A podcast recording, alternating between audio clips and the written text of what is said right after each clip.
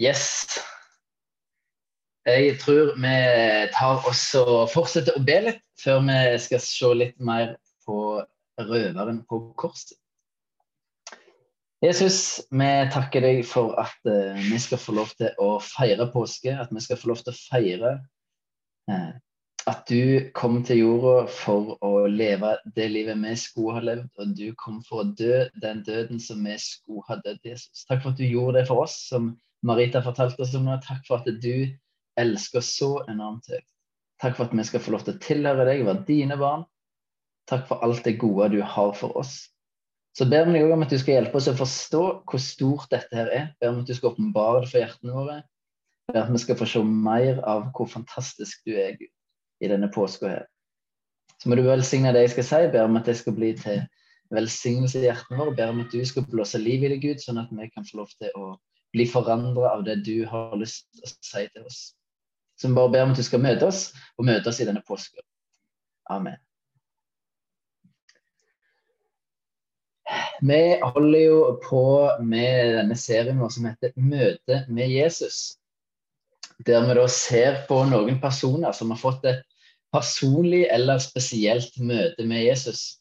Eh, og Vi ser på hvordan Jesus møter mennesker i ulike situasjoner. Eh, og vi ser på hvordan det møtet blir, og det som blir sagt og gjort, hvordan det er relevant for våre liv.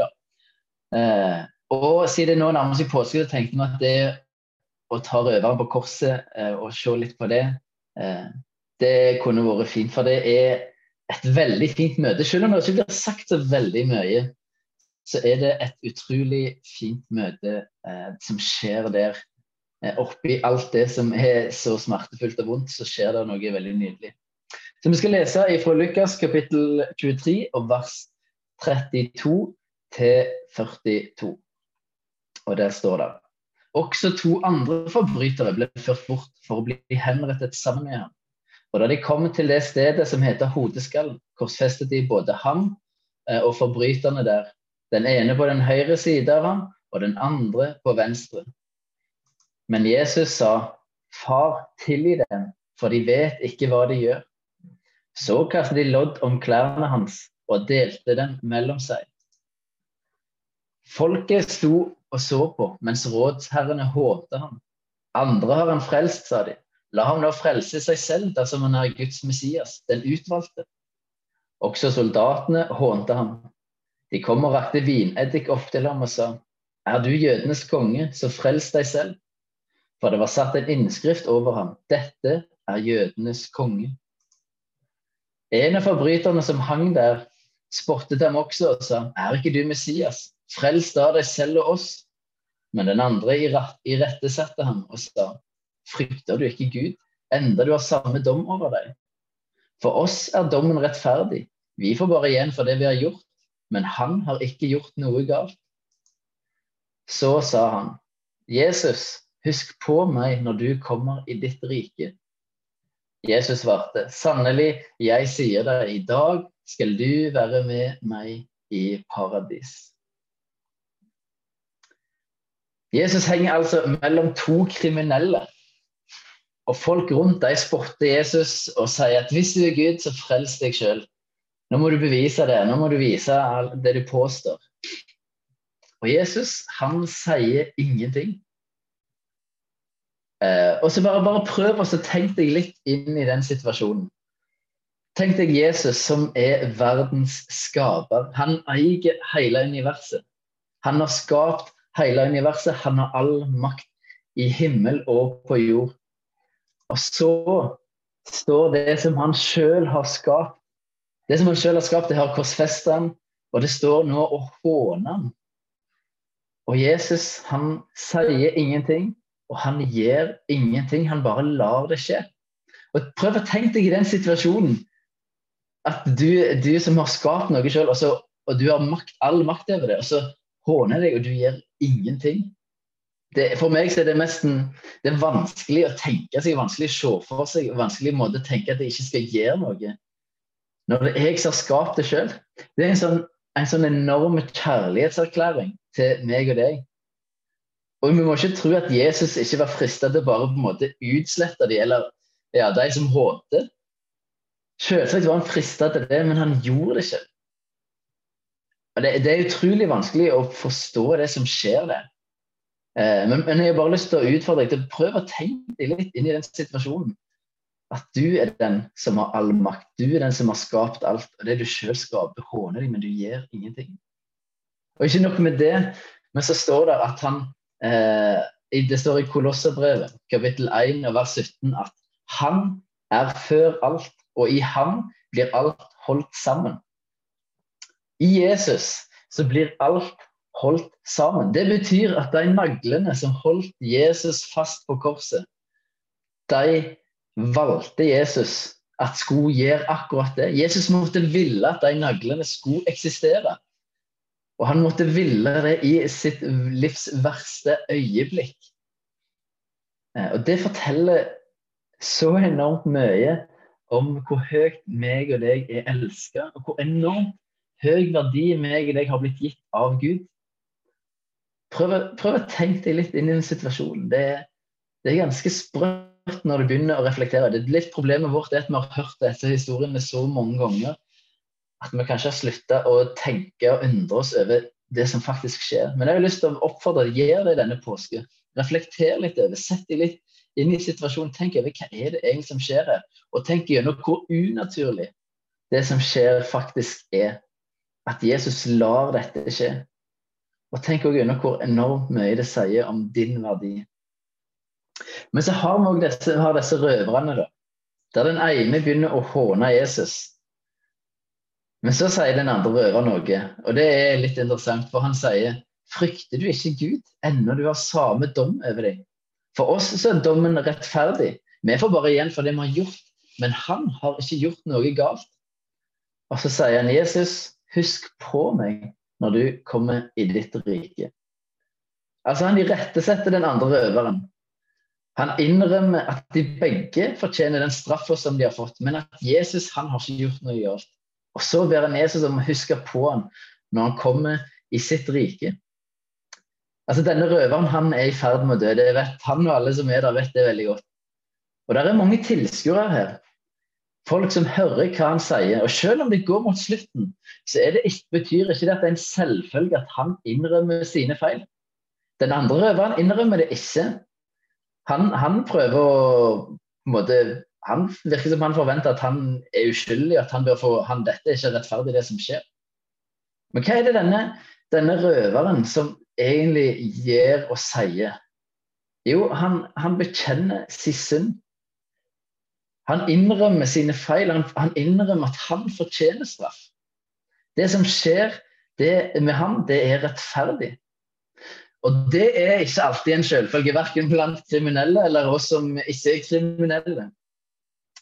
Eh, borte i USA der har de hvis du blitt tatt for å kjøre for fort, eller et eller annet sånt som har med trafikk å gjøre, så må du komme i en egen sånn trafikkrett. Kanskje noen har sett noen sånne ting på, på YouTube eller Facebook eller et eller annet sånt. Eh, men jeg hørte en, eh, om en pastor. Eh, han hadde, han hadde kjørt for fort. Da. og Han syntes dette var kjempeflaut, for han måtte i retten. Og han måtte liksom fram for en dommer og forklare dette. her. Og Så var han litt tidlig ute når han skulle i denne trafikkretten. Så han ble sittende og høre på, på de som kom før han da.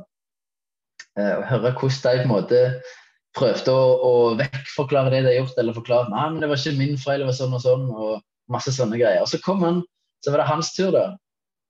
Og så, så, spør dommeren liksom ja, hva du har gjort da for noe. Nei, jeg har kjørt for fort. Ja, hva har du å si til ditt forsvar, da? Eh, nei, ingenting. Jeg visste hva fartsgrensa var. Eh, og jeg visste at de ikke hadde lov til det, men jeg gjorde det likevel. Eh, så jeg er skyldig. Jeg, jeg, fortjener å få den bota. Jeg, jeg innrømmer at jeg har gjort noe galt. Og da sier dommeren at eh, oi, liksom, dette her, dette er jo sensasjonelt. Dette har jo nesten aldri hørt noen som innrømmer at de har gjort noe galt. Hører dere liksom si til de som venter, hør på dette, dere. En som innrømmer det. Alle andre her i dag har prøvd å forklare meg at det er ikke min feil, det er andres skyld, eller jeg fortjener ikke dette, bla, bla, bla. Her er det en som faktisk innrømmer at de har gjort noe galt. Og Av den ene grunnen så velger jeg å frifinne deg. Du slipper å betale bota. Kun pga. at du, er den eneste som har innrømt at du har faktisk, eller erkjent at du har gjort noe galt. Så han slapp å betale den bota. Men poenget er at det er ikke så ofte at folk er villige til å innrømme at en har gjort noe galt. Om du er kriminell eller ikke kriminell, så kan du ofte sitte langt inne og innrømme at vi har gjort noe galt. Og denne røveren, i tillegg til at han innrømmer at han har gjort noe galt, at han, det som skjer er rettferdig, så har han hørt såpass om Jesus at han vet at Jesus han fortjener ikke å henge der. Og han vet at han er anklagt for å ha sagt at han er Guds sønn. Eh, for det var grunn vanlig, Jeg tror ikke det var Jesus som hadde en sånn skilt over seg. Det hadde sannsynligvis røverne òg. Det var vanlig å skrive hva de var anklagt for. For det med korsfestelse det handler like mye om å gi et eksempel. Så å bare henge de der var ikke så veldig logisk, men de hang òg hvorfor henger disse her. Så over, over røverne sine kors og hang det sannsynligvis òg hva de hadde gjort for noe galt. Så denne røveren Eh, vi vet ikke helt hvor mye denne røveren vet om Jesus, men vi vet såpass at han, han, han, er ganske sikker på at Jesus ikke fortjener å henge der. Men hvor stor tro han har, det er ikke så godt å si. Men det vi vet, er at han innså at han sjøl hadde iallfall ikke noe fint liv å, å, vise til. Han trodde ikke at han, at han kunne bli rettferdig pga. det han sjøl hadde gjort i livet. Tvert imot. Eh, og når jeg sier at vi ikke vet at vi vet lite om hvor stor tro han hadde, så høres det, høres kanskje, det blir en litt sånn rar setning. Eh, og det er fordi ordet tru egentlig ikke kommuniserer så veldig godt lenger. Når vi snakker om tru i, i vår setting, så snakker vi ofte om tru som et sånn kanskje. Jeg tror det blir fint vær i morgen. Eh, og da, da, betyr det liksom kanskje. Ja, kanskje blir det fint vær. Jeg tror det tar så lang tid å kjøre hjem. Da betyr det kanskje kommer hjem på den tida. Eller så forbinder vi tro med noe som skjer kun i tankene våre, i intellektet vårt. Og Begge deler forklarer ikke tilstrekkelig hva tro er. Det som denne røveren gjør, og som faktisk er et veldig godt bilde på hva tro er, er at han stoler på Jesus. Han setter sin lit til Jesus og ikke til seg sjøl. Han har ingenting å vise til, og han appellerer til Jesus med tillit. Og det er det som holder. Og Jesus svarer det legendariske i dag skal du få være med meg i paradis. Det er faktisk alt Jesus sier i denne samtalen hvis vi kaller det det, mellom disse tre røverne, for det er faktisk tre stykker involverte. Det, er det eneste Jesus sier. I dag skal du få være med meg i paradis. Og Man kan jo på en måte spørre seg er det alt som skal til for å bli frelst. Og det korte svaret er ja, det er det. Men jeg tror ikke det som skjer nødvendigvis er et bare-bare det som røveren gjør og sier. Eh, og så vil jeg i samme slengen advare mot det å ha en sånn minimumstenkning som, som liksom stiller spørsmålet hvor lite må til for at jeg kan være en kristen. For det er, det er helt feil spørsmål. Og det er ikke det røveren på korset gjør. Hvis det er spørsmål som du stiller deg, så vil jeg si at da tror jeg kanskje du har helt forstått hva det egentlig handler om, og, og hva det vil si å bli frelst og være en kristen. For det er ikke spørsmålet hva er det minste jeg må gjøre, for det er, det er ikke det det handler om. Det som røveren gjør på korset, vil jeg si, det er ikke et bare-bare, og det er ikke noe sånn minimumstenkning. Han gjør noe som er ganske unaturlig for oss mennesker. Eh, og når jeg leste dette, og når jeg har lest dette flere ganger, så er det liksom ett ord som jeg sitter igjen med, eh, og det er ordet ydmykhet. Denne røveren, han ydmyker seg. Eh, og Bibelen snakker en del om ydmykhet. og Jeg tenkte jeg skulle si litt om det. For, jeg, for det, det, det, er noe av det jeg opplever at dette møtet med Jesus egentlig handler om. Det handler om ydmykhet. Eh, jeg skal lese fra Salomos ordspråk kapittel 3 og vers 34, der det står at spottere svarer med spott, men de ydmyke gir han stor nåde. Og Det er jo egentlig et vers som beskriver akkurat det som skjer på korset. At han som spotter, han, han, blir, han, får, ikke noe, han får ikke noe tilbake. men de ydmyke, de gir ham nåde. Og i 1. Peters brev, kapittel 5 og vers 5, så står det at dere unge skal underordne dere de eldste. De eldste her betyr det er ikke de, de som er gamle, men det betyr de som er lederskap. Og alle skal dere være kledd i ydmykhet mot hverandre, for Gud står de stolte imot, men de ydmyke gir han nåde. Ydmykhet Altså, Gud står de stolte imot, men de ydmyke gir han nåde. Ydmykhet det handler om en holdning. Ordet på hebraisk betyr egentlig å bøye seg ned. Eh, og det er det motsatte av å være stolt eller arrogant. Eh, en person som er stolt, Han vil ikke innrømme feil. Han tenker ofte at han er bedre enn andre, mens en som er ydmyk, han vil innrømme sine egne feil og mangler, og han ser ikke nødvendigvis på seg selv som noe bedre enn andre. Det betyr da ikke det er litt viktig å si, det betyr ikke at det eh, å tenke lite om seg selv, eller at ydmykhet er å tenke mindre om seg selv, eller tenke at i noe som har skjedd ofte i kristne setninger, er at en, eh, en har tenkt at ja, jeg er ikke noe særlig, jeg er ikke noe viktig, jeg er ikke noe bra. Og så tenker en at det er ydmykhet, og det, det er helt feil. Eh, du er ikke stolt for det om du vet hva du kan og hva du er god til. Det er ikke å være stolt, det er å måte være realistisk. Eh, men det å ha et dårlig selvbilde, det er ikke ydmykhet. Og det er ikke noe Gud ønsker det, det, å tenke på en måte ja, alle andre er bedre enn meg, det er ikke ydmykhet. Eh, men det å tenke at du har noe å lære av andre mennesker, og det å sette andre mennesker høyt, og det å kunne bøye seg ned og innrømme feil og erkjenne feil, eh, og det å be om tilgivelse, det er ydmykhet. Og det er ikke alltid lett. Og jeg vet ikke om du har tenkt igjennom, men hvorfor er ikke det så lett? Hvorfor er vi stolte? Grunnen til at det ikke er lett å være ydmyk, eh, grunnen til at vi er stolte, det handler, tror jeg, i stor grad om frykt. Vi er ikke trygge på oss sjøl, vi er ikke trygge på det at folk vil like oss. Hvis, de, hvis jeg innrømmer at jeg gjør feil, hvis jeg skuffer dem som er redd for at de ikke liker oss. Eh, og Derfor vil vi ofte være stolte og prøve å ja, skjule feilene våre og ikke innrømme dem i frykt for at andre ikke skal like oss, i frykt for at andre skal vende ryggen til oss. Derfor så blir dette noe som stikker ganske dypt i oss. Og det er grunnen til at ydmykhet er en av det er en av åndens frykter.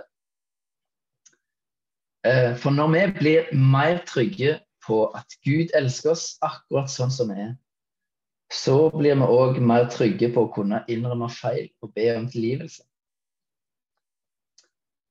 Røveren på korset han viser oss hva det vil si å være ydmyk. Han innrømmer sine feil og synder. Han innrømmer at han fortjener straff.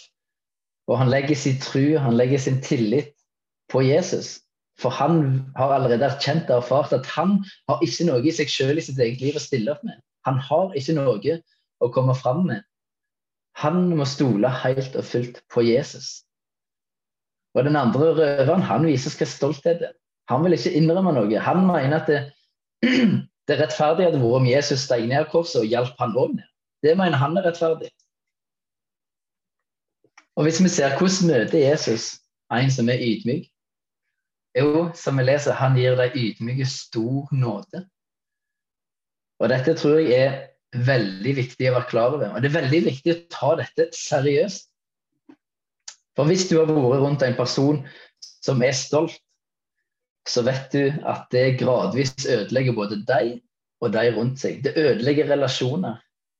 Eh, og vi trenger å være ydmyke overfor Gud og overfor hverandre. Og det er ikke alltid lett. Det tror jeg er både en øvelse, eh, og vi trenger hjelp fra Gud til faktisk å være ydmyke. Det å prøve å bli ydmyk, det er jo litt som eh, det er liksom å fange et såpestykke i badekaret. Den sklir liksom vekk i det du har fått tak i. den. For idet du får tak i den tenk, og tenker 'nå er jeg ydmyk', og så vips, da var du ikke ydmyk likevel. Idet du tenker du er ydmyk, da vet du iallfall ok, da er iallfall ikke ydmyk. Det er liksom å få tak i det såpestykket. Idet du har fått tak i det, så, ups, så, så sklir det vekk. Eh, så det er, det er, en vanskelig ting å bli ydmyk, om det klarer å være ydmyk. Eh, men det er verdt det. Det er så viktig. Og som vi leste i første Peters brev, at det er noe vi skal, vi skal, vi skal kle oss i ydmykhet. Det skal være noe som vi tar på oss. Vi skal vandre i ydmykhet. Men vi skal være det mot hverandre. Ikke bare for Gud, men mot hverandre. Så skal vi være ydmyke. Og det er verdt å ta seg litt tid til å tenke hva er det som gjør at du er stolt? Og hvorfor er det vanskelig å være ydmyk? For jeg tror i alle fall at uh, dette ikke kommer av seg sjøl. Og som sagt, jeg, kanskje, jeg tror det som skal til, er at vi, vi, må få et møte med Guds ubetinget kjærlighet. Jeg tror det er det som hjelper oss til å være ydmyke. Kanskje var det det røveren fikk. Men dette er viktige ting.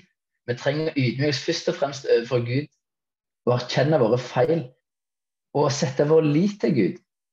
For hvis du er ydmyk, så, så erkjenner du at jeg i mitt eget liv har ikke noe å bygge på. Hvis du er ydmyk, så har du innrømt for deg sjøl at eh, jeg har ikke noe å komme fram for overfor Gud. Jeg trenger helt og fullt at Jesus har, gjort, har levd det livet som jeg skulle ha levd, og at han dør den døden som jeg skulle ha dødd. Du, du, du, erkjenner at jeg trenger helt og fullt Jesus. Det er faktisk ingen områder for Gud der jeg kan si at ja, men Gud, se på dette. Dette er jo bra, eller dette er jo fint, eller dette må være noe som, er, som gjelder for noe. For, for Gud, for hans standard, så det, har vi faktisk ikke noe å stille opp med. Og vi trenger den ydmyke holdningen overfor Gud. Vi trenger å ydmyke oss overfor Gud. Men vi trenger òg å gjøre det overfor mennesker, og ikke tro at vi er bedre enn andre. Og vi trenger å, å møte mennesker og kunne erkjenne våre feil og våre mangler. Det er så viktig. Skal et fellesskap være bra og sunt, så trenger vi å legge vekk stoltheten. Skal vi være ei kirke som er sunn, eh, og et fellesskap som folk eh, har lyst til å være en del av, eh, skal vi reflektere Gud Jesus viser oss jo hva det vil si å være ydmyk. Han kunne gjort store ting, han kunne knipse, han kunne sagt imot dem når de håner ham, men han gjør det ikke. Han er ydmyk. For, og han ydmyker seg, han legger seg unna for Gud og sier at Gud lar din vilje skje, ikke min vilje. Så han lar disse tingene skje mot ham pga. at han er ydmyk. Han setter mennesker høyere enn seg sjøl i det øyeblikket. For det er, han elsker så enormt høyt. Så dette er så enormt viktig. Og dette er historier som er verdt å reflektere over og tenke over og prøve å relatere til sitt eget liv både det fantastiske det er å få lov til å se hvordan det fungerer, hvordan er det å komme til tro, hva som skjer. Og det som skal til, er å bare legge ned sitt eget og stole på Jesus. Det er helt, det er helt nydelig å lese om det, den, det som skjer med den røveren. Eh, for han, han, han, viser noe i oss mennesker. Vi egentlig alle har gjort alt det gale. Eh, men overfor Jesus, når vi spør han og innrømmer for han at Jesus, jeg trenger deg. Jeg har I meg sjøl så kommer jeg til kort. Jeg trenger deg. Og så er det nok.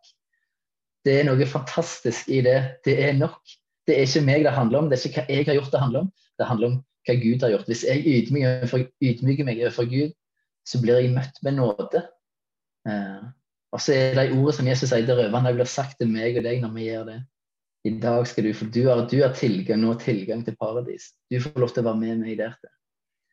Ja, det er noe fantastisk. Og så er det òg en historie om ydmykhet som vi trenger å ta til oss, som er så enormt viktig. Så, så enormt viktig. Kanskje spesielt i den tida vi lever i. Eh, der det er så mange som tenker at det handler om prestasjon, det handler om å få til noe. Og for Gud så er det nei, nei, nei. Det handler ikke om hva vi får til. Det handler om at vi trenger å ydmyke oss. Altså det handler det er veldig mye om i våre relasjoner at vi trenger å sette med andre mennesker høyere enn oss selv, og vi trenger å klare det å innrømme våre feil. Og det kan være vanskelig. Det vil jeg reflektere litt over. Eh, jeg har noen refleksjonsspørsmål som jeg vil at du skal tenke over. Første spørsmålet er er du en stolt person. Er det vanskelig for deg å innrømme feil? Eh, tenk litt gjennom det. Eh, det er ikke sikkert du tenker på deg sjøl som en stolt person, men kanskje er du likevel. Og da er det kanskje lurt å stille spørsmål er det områder i livet der det er vanskeligere å innrømme feil enn andre, og i så fall hvorfor? For det tror jeg kan være litt tilfellet, at det er om noen områder i livet der det er vanskeligere å innrømme feil. På andre områder kan du kanskje være ydmyk, og det er lett å innrømme, men så kommer det til noen spesielle felt der det er vanskelig å innrømme feil for andre. Hvorfor det? Tenk litt gjennom det. Er det noen sånne ting i ditt liv for det er enormt viktig. For dette er vel ofte vanskeligst i møte med våre nærmeste. Det er ofte vanskeligst å innrømme feil overfor noen våre nærmeste. Det er iallfall min erfaring. Eh, og jeg, min erfaring er at jeg har trodd at ja, det er noen områder eller at ja, jeg tror jeg er ganske grei, og så ser jeg kanskje at nei, her er det faktisk en del plasser der jeg er stolt, der jeg ikke vil innrømme feil. Eh, så tenk litt igjennom. Eh, dette er spesielt viktig for familie, ektefelle, eh, nærmeste familie, barn, klarer vi å være ydmyke? Eller holder vi fast på noe? Og så siste spørsmål. Hva frykter du ved å være ydmyk og innrømme feil? Hva, hva, er det du er redd for? Prøv, prøv, å gå litt dypere. Hva er det du frykter hvis du innrømmer feil? Hva er det du frykter hvis du spør om tilgivelse? Selv om det kanskje ikke er du som starta det som skjedde. Men hva er, det du, hva er, det du, frykter hvis du er den første som går og sier du, kan du tilgi meg for at jeg gjorde det eller sa det? Selv om det kanskje ikke var du som har starta det. For det er ydmykhet. At du ber om tilgivelse, selv om det kanskje ikke er du som burde gjøre det først. Men du gjør det likevel, for du, du kan erkjenne at ja, men jeg har, jeg har, mine ting oppi dette. Om det ikke er jeg som starta, eller det var jeg som, det er årsak til dette, så har jeg fremdeles gjort noe, og jeg trenger å be om tilgivelse. Jeg trenger å innrømme det. Men hvis det er vanskelig, hva, hvorfor? Hva er det du frykter? Er det Frykter du taper ansikt? Frykter du respekt? Frykter du eh, at de ikke skal like deg? Hva, hva, er det du frykter for meg? Det ligger en frykt der en plass. Tenk litt gjennom dette. her. Eh, tenk litt gjennom det. Og våg å stole på. Jeg håper det om at, at Gud Gud har elsket deg så enormt høyt. Og når du etter møter med hans enorme, ubetinga kjærlighet, der er det trygt å innrømme feil. For han kommer aldri til å vende seg vekk fra dem, han kommer aldri til å forlate dem. Han kommer aldri til å eh, ja, svikte dem. Så med Gud er det trygt å være ydmyk. Og vi trenger det fundamentet i livet vårt, der, der, han får lov til å være fundamentet, det er der vi hviler og, og vokser og står på hans ubetinga kjærlighet. For da kan vi klare å være ydmyke og innrømme feil. Så jeg vil tenke litt gjennom disse tingene her. Kanskje du skal tenke bruke litt tid på, på akkurat det. For det tror jeg er enormt, enormt viktig. Det er en, en, en ting som som er kjempeviktig. Skal du ha sunne relasjoner, skal du ha en sunn menighet. Eh, for det Jesus var ydmyk. Yes, la oss bare be litt til slutt. Jesus, eh, igjen tusen takk for at du er den du er, for at du møter oss sånn som du gjør. Takk for at når vi kommer framfor deg eh, og ydmyk framfor deg, så møter du oss med nåde. Du møter oss med tilgivelse. Du møter oss alltid med kjærlighet. Og takker deg for at du er så fantastisk god og stor og mektig og fantastisk, og mest av alt at vi får lov til å komme til deg og være dine barn. Takk for din ubetinget kjærlighet. Takk for at du elsker oss akkurat sånn som vi er.